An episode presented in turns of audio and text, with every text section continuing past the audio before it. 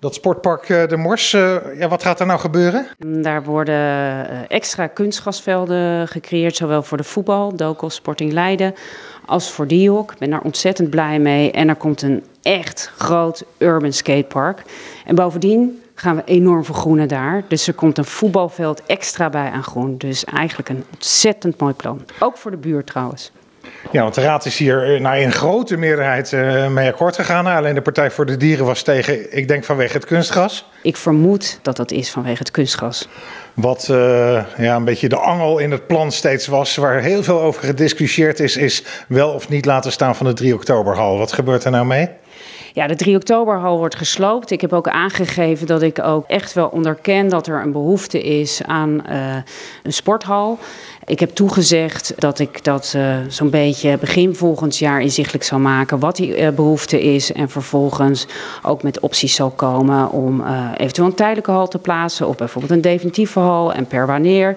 En, ja, en waar? En waar. Dus ja, dus ik doe dat begin volgend jaar. Of in ieder geval volgend jaar.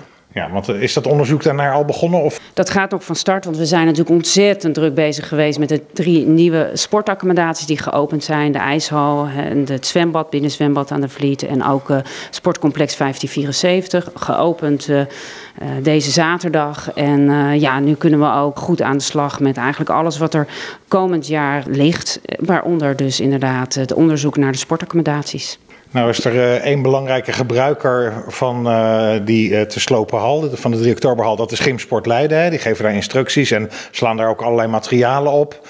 Daar is nog geen echte oplossing voor, hè? Ja, gymsport sport natuurlijk ook in, op diverse plekken, ook in uh, Leiden. Volgens mij hebben ze nu 17 locaties. Ja, en het is ook een enorme grote club, ook heel erg waardevol voor de stad. Dus ik heb uh, gezegd dat in ieder geval voor het gaat om de opslag, dat we echt een oplossing gaan zoeken. Ja, in, in de vorm van een zeecontainer. Ja, als dat uh, mogelijk is. Een zeecontainer in ieder geval kan er op slag plaatsvinden. En we gaan zorgen dat, dat Gymsport Leiden daarmee geholpen wordt.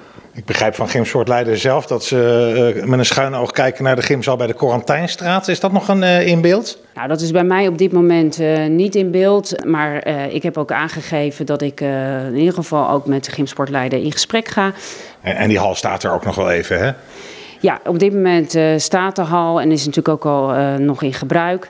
En ik heb natuurlijk aangegeven dat uh, volgend jaar in ieder geval de voetbalvelden worden aangelegd. En het jaar daarop zal dan ja, het Urban Sportpark aangelegd worden. En ook Diok, de rugby, zal een nieuw veld krijgen. Dus we gaan er echt de vaart in zetten.